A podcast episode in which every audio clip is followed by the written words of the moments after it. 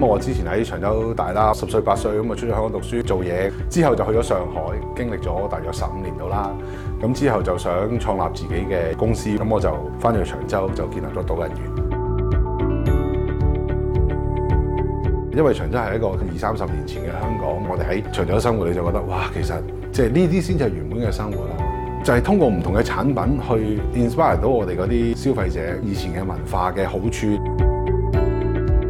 我就見到你有好多呢啲唔同嘅好創意嘅設計啦，你係點樣睇呢個品牌效應同埋品牌提升呢樣嘢呢？我哋個品牌定位就係通過唔同嘅一啲藝術創意人嗰啲新嘅一啲手法，去講翻一啲傳統嘅歷史，令到佢重塑佢一個更美好嘅回憶。對品牌嘅一個提升，當然係一個好重要，因為單純只係一個價錢去比較，而係將個形象同埋成個態度係可以介紹到俾消費者。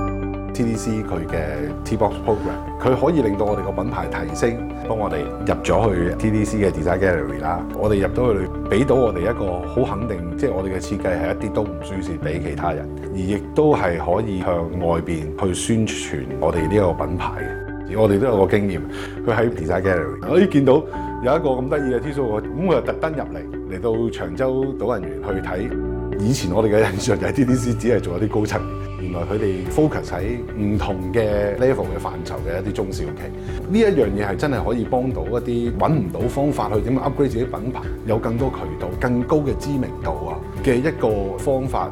喺品牌推廣同埋市場擴充上邊咧，政府都有啲資助，香港企業係應該點樣去利用呢個？政府嘅資助咧，我哋小型企業咧，其實收到呢啲咁嘅信息唔多嘅。咁但係即係我而家喺 TBox 同埋 TDC 有個 connection，我哋將來都可以有呢啲咁嘅渠道去諮詢啊，或者係揾到你哋啲 supporting 啦。